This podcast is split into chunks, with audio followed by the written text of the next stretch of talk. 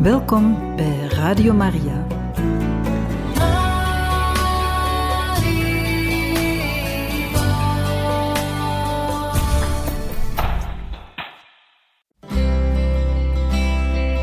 Welkom bij Boekat, een programma van Radio Maria.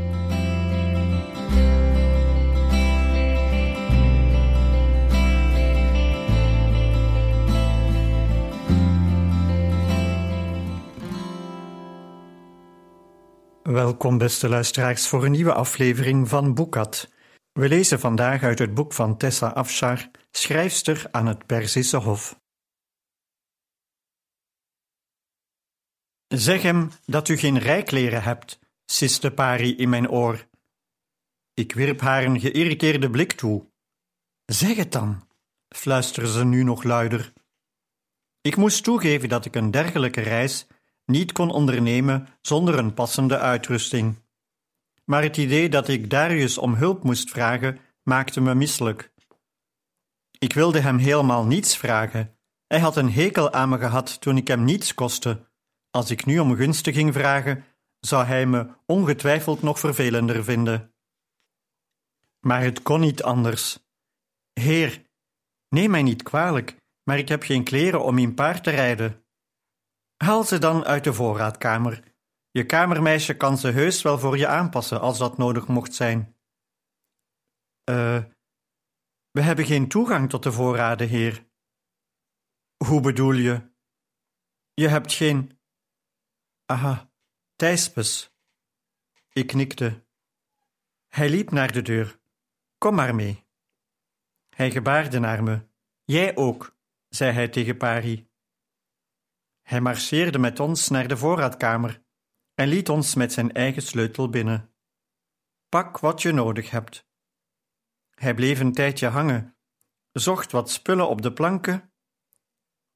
Hier heb je misschien wat aan. Hij overhandigde Pari de kleren. Ik wilde me al omdraaien, maar hij gebaarde dat ik nog moest blijven en ging verder met zijn zoektocht. Daar hebben we het. Hij haalde een stapel pakketjes tevoorschijn van een stel planken aan de andere kant van het vertrek. Het is hier te donker. Kom mee naar mijn vertrekken, dan kan ik het je laten zien. Aangezien de voorraadkamer dichter bij zijn vertrekken lag, leek het een voor de hand liggende plek. Voor de deur van zijn kamer stond een van zijn mannen gepositioneerd, waakzaam en kaarsrecht. Darius sprak hem aan terwijl hij hem passeerde. Arta, zou je Kidaris willen zadelen, alsjeblieft? Neem een goede lamp mee en wacht in de stallen op me. Direct, meester. Ik vroeg me af waar Darius naartoe wilde rijden en volgde hem naar binnen. Ik was er niet meer geweest sinds Pari die dag uit mijn hol van wanhoop had weten te lokken. Ik bleef stijfjes bij de deur staan, wilde niet te ver doorlopen. Ik voelde me ongemakkelijk bij het idee dat ik in zijn persoonlijke domein binnendrong, alsof ik inbreuk maakte op zijn privéwereld, alsof ik hier niet thuis hoorde. Met een achteloos gebaar gooide Darius de pakketjes op de groene bank met zilveren leeuwenpoten. Pari, laat me die rijkleren eens zien. Pari overhandigde Darius haar bundel. Hij vouwde hem open en duwde een zakje opzij met daarin munt, rozemarijn en eucalyptus, waarna een kleikleurige linnenbroek tevoorschijn kwam, met een gewatteerde laag bij de billen, en nade met koordjes aan de zijkant voor meer bewegingsruimte. De bijhorende tuniek was gemaakt van twee lagen dun wit linnen met hoge splitten.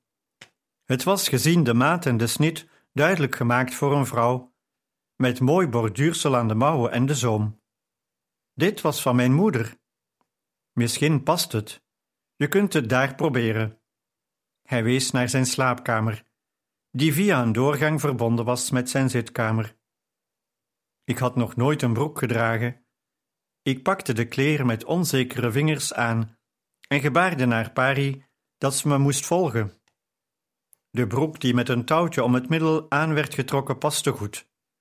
Maar de tuniek zat bij mijn boezem te strak en was veel te doorschijnend. Laat maar eens zien, riep Darius vanuit de zitkamer. Ik kon geen fatsoenlijk woord uitbrengen. Nou? vroeg hij. Mijn heer, dit is ongepast. Ik kan zo niet naar buiten komen. Flauwekul, riep hij. Mijn moeder droeg dit altijd. Tot mijn afgrijzen verscheen hij opeens in de doorgang. Ik vouwde mijn armen voor mijn borst in een vergeefse poging decent te blijven, en moest op mijn onderlip bijten om hem niet toe te schreeuwen dat hij niet mocht binnenkomen. Aha. Hij trok peinzend aan een oorlel. Misschien hoorde er toch meer bij dan ik me herinner. Ik wierp hem een vuile blik toe. Hij stak zijn handen gespeeld hulpeloos in de lucht. Ik ga al. Pari, kun jij je meesteres met die tuniek helpen? Er moet ergens in de voorraadkamer nog een ondertuniek liggen, die ik blijkbaar over het hoofd heb gezien. Op weg naar buiten riep hij nog: Sarah, kun je je, als je klaar bent, alsjeblieft weer bij mij voegen? Ik had geen enkele behoefte met hem in een ruimte te verkeren na de vernedering dat hij me gezien had in die onthullende kleren. Maar wat voor keus had ik? Weer in mijn keurige jurk met wijd uitwaaierende rok gestoken, voegde ik me blozend en wel weer bij hem. Het pleitte voor hem dat hij zijn commentaar voor zich hield. Ik dacht dat je dit misschien kon dragen voor de feestelijkheden rond de equinox. Hij hield een turkoois gewaad in zijn handen, met goudborduursel, langs de randen van de mouwen en over de hele rok. Ik hapte naar adem. Het is prachtig. Mijn moeder had het apart gelegd voor mijn bruid. In de voorraadkamer staat een kast vol spullen. Hij zei bruid, enkelvoud. En dat verwarde me. Blijkbaar had zijn moeder dingen apart gelegd voor zijn Joodse bruid. Ik had het gevoel een dergelijk schenk niet waardig te zijn.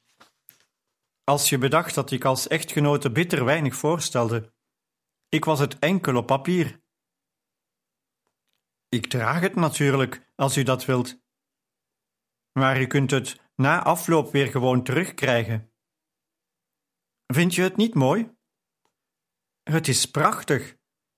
Maar, maar ik, het is juist dat ik het krijg. U zou het voor een ander moeten bewaren. Hij liet zich op de bank zakken en liet zijn voeten over het voeteneind bungelen. Je verrast me, sterker nog. Je verrast me elke keer. Je doet of zegt zelden wat ik verwacht. Ik drukte mijn rug tegen de muur. U verveelt zich tenminste niet met mij. Geïrriteerd, gefrustreerd, verward, boos. Maar verveeld, nee, dat niet, dat moet ik je nageven. Pari was zo goed om precies op dat moment weer te verschijnen, wat ervoor zorgde dat ik niet hoefde te reageren op Darius' commentaar. Ze had een kleikleurig iets over haar arm gevouwen. Ik denk dat ik het juiste kledingstuk heb gevonden, heer. Goed zo. Wil je de kleren alsjeblieft nog een keer aantrekken? En pas deze dan ook, voegde hij eraan toe, en gooide me een paar zachte leren schoenen toe. Maar ik heb ze net aangehad. Doe het voor mij. Geïrriteerd keerde ik terug naar zijn slaapkamer en kleedde me opnieuw om. De tuniek zat nog steeds strak, maar ik zag er nu enigszins kuis uit. Met dank aan Paris' speurtocht. Ik kan hem voor uw vertrek morgen nog wel wat ruimer maken, verzekerde ze me. Ik trok de schoenen aan terwijl ik terugkeerde naar Darius' kritische blik en stelde tevreden vast dat ze paste. Hij knikte instemmend toen hij me zag. Hier, vangen. Hij gooide me een dunne zomersjaal toe, die ik losjes over mijn hoofd en schouders drapeerde, dankbaar voor de extra bedekking. Op naar de stallen. De stallen? Ja, je hebt vast wel eens van stallen gehoord.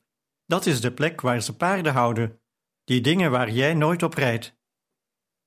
Ik had al twee dagen nauwelijks geslapen. Een geweldig dier, waar ik veel van was gaan houden, was gestorven. Ik stond op het punt aan een reis te beginnen, die ik enorm vreesde. Ik had echt geen geduld voor cryptische grapjes. Mijn stem droop van sarcasme toen ik antwoordde.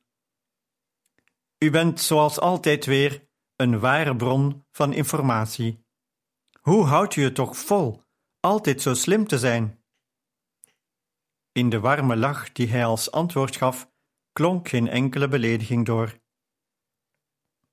In de stal troffen we weer zijn bediende, Arta, die naast een kastanjekleurige merrie stond te wachten. Het beest was in mijn ogen gigantisch. Sarah, mag ik je voorstellen aan Kidaris? Ze is een van mijn vriendelijkste paarden, maar heeft genoeg kracht om de andere dieren bij te kunnen houden. Jullie zullen de komende dagen goede vrienden worden. Kom maar dichterbij, zodat je haar correct kunt begroeten. Vandaar dat hij me gevraagd had mijn rijkleren aan te trekken. Hij wilde dat ik mijn paard leerde kennen en me prettig bij haar voelde voor we morgenochtend vroeg vertrokken. En ik dacht dat hij me gewoon had zitten plagen. Ik had onmiddellijk spijt van mijn scherpe opmerking en probeerde het goed te maken door zo meegaand mogelijk te zijn. Het paard hinnikte vriendelijk toen ik een aarzelende stap naar voren deed. Haar kastanjekleurige vacht werd alleen onderbroken door een witte vlek boven op haar hoofd. Het ding leek wel een tiara. Vandaar de naam Kidaris, bedacht ik. Kidaris betekent kroon in het Persisch. Hallo, Kidaris. Ze vindt het prettig zo geaaid te worden. Ik probeerde na te doen wat Darius deed. In tegenstelling tot zijn geroutineerde gebaar was mijn aanraking vooral aarzelend. Nee, je mag geen angst tonen. Ze moet van begin af aan weten dat jij de baas bent. Toon zelfvertrouwen. Kom dichterbij. Laat haar aan je wennen. Ze is een stuk groter dan ik. Ja, en toch ben jij de baas. Ik de baas. Ik de baas. Ik de baas. Ik bleef die woorden maar in mijn hoofd herhalen, in de hoop dat ik ze vanzelf zou gaan geloven. Darius gaf me een borstel en liet me Kidaris voorzichtig verzorgen. Na enige tijd voelde ik me veilig genoeg om me in haar nabijheid op te kunnen houden. Goed zo, verkondigde Darius. En nu moet je leren goed te zitten. Dat is het allerbelangrijkste bij het rijden. Je moet rechtop zitten, en wel zo dat je gewicht gelijk verdeeld is over beide zijden van het paard. Als je balans niet klopt, breng je haar ook uit balans, en dat zal ze niet kunnen waarderen. Hij hielp me in het zadel en gespte de beugels op de juiste lengte. Ik snapte nu wel waarom ik die broek en tuniek nodig had. Darius gaf me aanwijzingen over mijn houding. Je zit onderuitgezakt en je onderbenen steken te ver naar voren. Zo heb je geen enkele controle. Diep zitten. Druk je dijen tegen je paard. Een half uur lang liet hij me zo op Kidaris zitten, zonder dat het paard bewoog, en legde vol overgave op elke slak zout. Vervolgens onderwees hij me nog een uur lang in de meest rudimentaire rijvaardigheden. Aan het einde van de training deed mijn rug zeer en vroeg ik me af hoe ik in vredesnaam dag na dag, uur na uur, in galop moest gaan overleven. Ik voelde me klein en fysiek niet tot die taak in staat. Pari en ik waren die nacht nog lang op en pasten de tuniek en de turquoise jurk aan die Darius me had gegeven. Pari zou de volgende ochtend in een wagen met mijn bagage volgen, begeleid door twee van Darius' mannen. Het had me niet verstandig geleken haar mee te nemen. Ze voelde zich nog minder dan ik thuis tussen de paarden en had opgebiecht dat ze er doodsbang voor was. En dus had ik geregeld dat ze met het goederentransport mee kon. Dat reisde over de koninklijke hoofdweg, die weliswaar langer was, maar aanzienlijk comfortabeler. Ze hielp me een paar basisbenodigdheden in te pakken voor de dagen dat ik in Ekbatana zou zijn voordat zij en mijn bagage arriveerden. Wat moet ik nou tien dagen zonder jou? jammerde ik toen we eindelijk naar bed gingen. Wat als ik er bij het feest weer een puinhoop van maak? Dat gebeurt niet. U hebt de laatste maanden zoveel geleerd. Bovendien, ik weet zeker dat de koningin assistentie stuurt. Wijs die alleen dit keer niet de deur. Ik gromde en trok de lakens strak over me heen. Het zou de laatste keer in dagen zijn dat ik de luxe van een echt bed had. Maar ik kon er niet van genieten. Ik miste het gewicht van Caspians stevige lijf aan mijn voeten. Ik lag het grootste deel van de nacht wakker, bang voor wat de ochtend ging brengen, en ervan overtuigd dat ik mijn man weer voor schut zou zetten. En dat hij me nog minder zou mogen. In mijn ellende verlangde ik meer dan ooit naar Caspian. Uiteindelijk herinnerde ik me dat ik me aan God en zijn genade vast moest houden. Elke keer als een angstige gedachte opkwam, richtte ik mijn aandacht op God en niet op de malende raderen van mijn fantasie. Ik richtte me niet op mijn angsten, maar op Hem. Toen viel ik eindelijk vredig in slaap.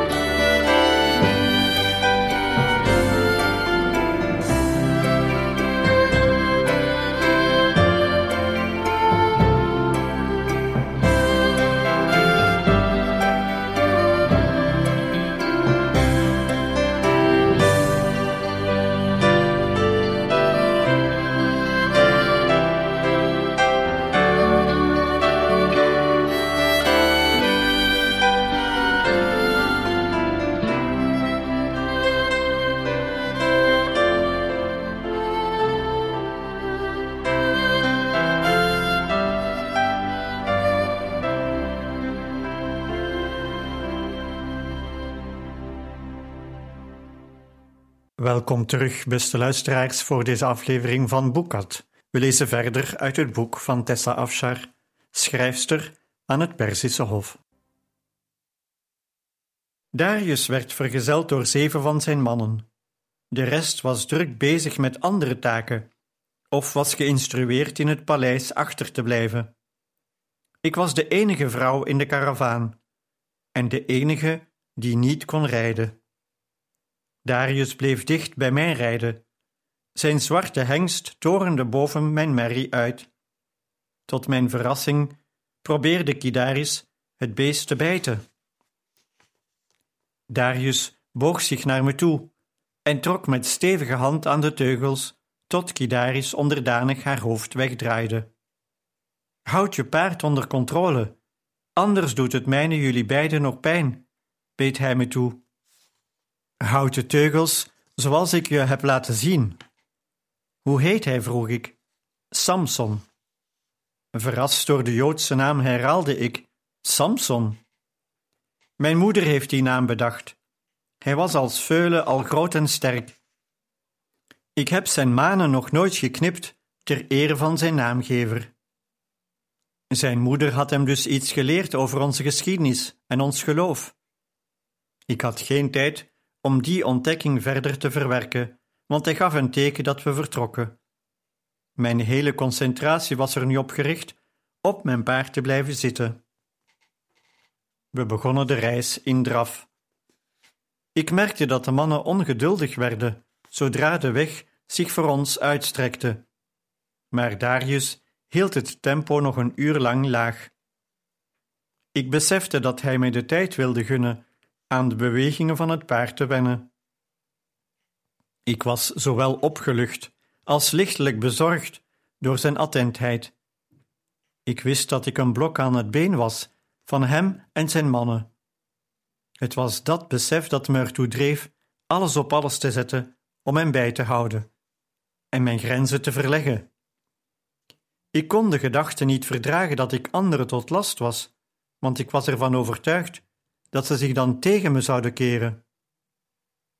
Was dat niet de les die ik in mijn jeugdjaren maar al te goed had geleerd? Was ik niet een last gebleken voor mijn eigen vader, die mij om die reden had afgewezen? Ik wist dat als ik me op een of andere manier nuttig kon maken, ik misschien getolereerd zou worden.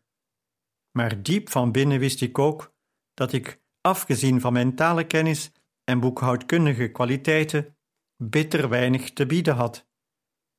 Ik kostte meer dan ik opbracht, en ik wilde dat, uit alle macht, zolang het kon, voor anderen verborgen houden.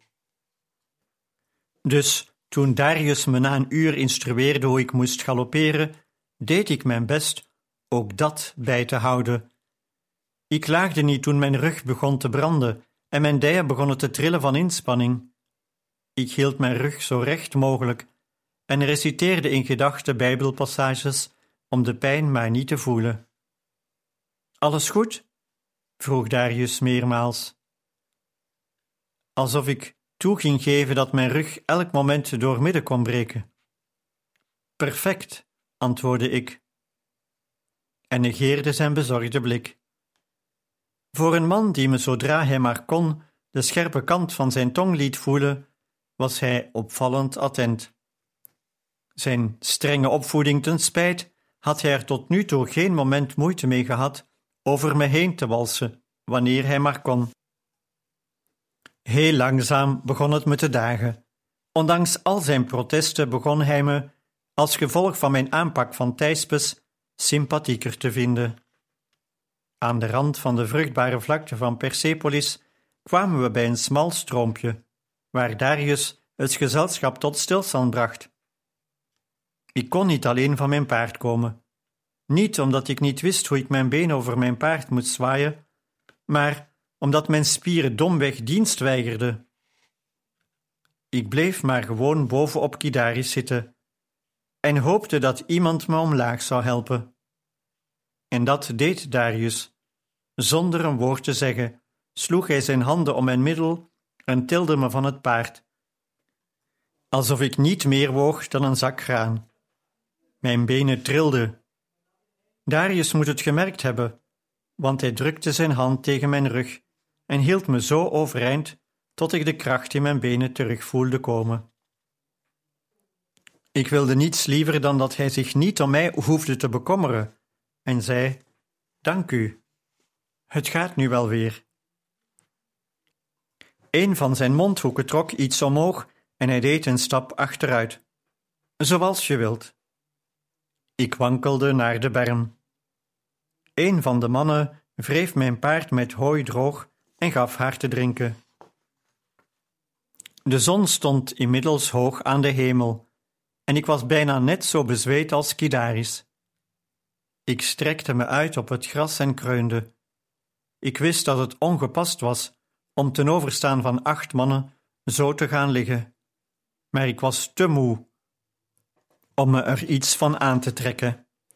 We zouden zo toch weer op pad gaan, en ik wist niet hoe ik de uren die voor ons lagen in vredesnaam moest overleven. Ik sloot mijn ogen en probeerde er maar niet aan te denken. Er viel een schaduw over mijn gezicht en ik dwong mijn ogen zich te openen. Drink dit, zei Darius en hield een leren veldfles op. Dank u, heel attent, maar ik heb geen dorst. Tijdens eerdere reizen had ik deel uitgemaakt van een grote karavaan. Er waren speciale tenten en er werden schermen opgezet om onze eerbaarheid te beschermen, zodat de vrouwen in het gezelschap met enige privacy hun gang konden gaan. Met acht mannen en negen paarden als mijn enige gezelschap kon ik maar beter niet drinken en hopen dat ik geen aandrang zou voelen tot het nacht was. Ik was zeker niet van plan iets vloeibaars naar binnen te werken, als dat niet strikt noodzakelijk was. Doe niet zo mal. Je kunt niet in deze hitte rijden zonder iets te drinken. Anders ben je nog voor zonsondergang ziek. Ik zuchtte en dwong mezelf overeind te komen. Met een beetje geluk zweette ik alles eruit. Nadat ik een slok had genomen, zette hij de leren fles aan zijn mond en dronk er gretig van. Hoe lang pauzeren we? vroeg ik. Hij gaf me een stuk gerstebrood. Niet lang. Als de paarden gegeten en gedronken hebben, gaan we weer verder. Tegen de tijd dat we weer in het zadel klommen, was de hitte ondraaglijk geworden. Ik trok mijn sjaal over mijn gezicht, in een poging mijn ogen te beschermen. De geur van de paarden leek vliegen aan te trekken. Terwijl we in een trage draf weer op weg gingen, verzamelden ze zich in dikke zwermen om ons heen. Sociaal als ze zijn, deelden de paarden hun nare vriendjes warmhartig met hun menselijke last. Ik had het te druk met überhaupt in het zadel blijven om ze weg te kunnen wuiven. De dag duurde en duurde, terwijl ik uur na uur te paard doorbracht, pogend mannen bij te houden die al reden voor ze bij wijze van spreken konden lopen. Het was overduidelijk dat het tempo voor hen veel te laag lag, maar voor mij was het een kwelling. Ik was duizelig van de hitte en de onophoudelijke beweging. Tot mijn afgrijzen moest ik nu toch echt naar de wc. Het was halverwege de middag en op het heetst van de dag. Toen we weer pauzeerden, keek ik om me heen, wanhopig op zoek naar een plek die nog enige privacy bood. Het was of Darius mijn gedachten kon lezen, want hij was me met alarmerende frequentie steeds vaker voor. Kom maar mee, zei hij toen hij zag hoe ik de omgeving afspeurde. Ik volgde hem opgelucht naar wat kreupelhout, verderop, en een paar ieleboompjes. Niet echt het summum van privacy. Ik keek hem gekweld aan. Ik waarschuw ze wel weg te blijven. Er kan je hier niets gebeuren. Als hij ook maar een fractie van een grijns had getoond, zou ik al mijn goede voornemens onmiddellijk hebben laten varen en hem een dreun hebben verkocht. Maar hij was zo verstandig om dat niet te doen. In plaats daarvan draaide hij zich om en liep weg. In een aanval van inventiviteit pakte ik mijn lange sjaal en drapeerde die over een stel struiken, als een soort laag gordijn. Maar toen ik wilde bukken, bleken mijn spieren zo zwak door de inspanning van het rijden, dat ik in plaats van te hurken, met een harde dreun om mijn knieën landde. Alles goed? riep Darius van een punt ergens verderop. Blijf waar je bent, gilde ik, als de dood dat hij het in zijn hoofd zou halen te komen kijken wat er was gebeurd. Alles in orde. Vernederd, onteerd, maar verder helemaal in orde hoor. Had ik reizen echt ooit leuk gevonden? Dit bleek de laatste pauze te zijn voor we ons kamp opsloegen, en Darius dreef het tempo flink op. Nadat we het aangename plateau van Persepolis achter ons hadden gelaten, kwamen we uit bij een woestijnachtig stuk weg dat in de verzengende hitte haast niet te harde was. Ik moest op een gegeven moment in het zadel in slaap zijn gevallen, want ik schrok wakker toen iemand een arm om mijn middel sloeg. Ik werd hoog de lucht ingetild en belandde onelegant in het zadel voor mijn man. Darius draaide zich om. Arta, kun jij Kidaris nemen, alsjeblieft? Je meesteres rijdt de rest van de dag met mij. Ik was nu klaar wakker en deed vreselijk mijn best zo bij mijn man op schoot te zitten, dat ik niet in aanraking kwam met zijn lichaam. Het lastige met bewegende paarden is dat dat schier onmogelijk is. Ik zat rechtop, alsof ik een stok had ingeslikt, en wist niet waar ik mezelf moest laten. Hij drukte mijn gewicht tegen zich aan, zodat ik nu helemaal tegen zijn borstkast leunde. Ontspan, zei hij in mijn oor, zijn stem laag en kalmerend. Samson kan je ongemak voelen. Ontspan alsjeblieft en probeer verder te slapen. Voor het paard deed ik mijn best te doen wat hij vroeg. Ik liet me helemaal tegen hem aanzakken, wiebelde wat om een goede plek te vinden. Ik voelde hoe zijn borstspieren zich tegen mijn rug spanden. U bent zelf ook niet zo erg ontspannen, zei ik beschuldigend. Kan een man tenminste op zijn paard nog enige rust krijgen, gromde hij. Ik schrok van zijn reactie en zei: Het spijt me dat ik u zo'n overlast bezorg. In plaats van te antwoorden, duwde hij mijn lichaam naar voren, zo ver mogelijk van zich af als maar ging, op die beperkte ruimte. Ik draaide mijn hoofd naar hem toe. Ben ik te zwaar? Nee, je bent niet te zwaar. Nou, stop met wiebelen en zit stil. We hebben nog een paar uur voor de boeg, voor we onze tenten op kunnen slaan.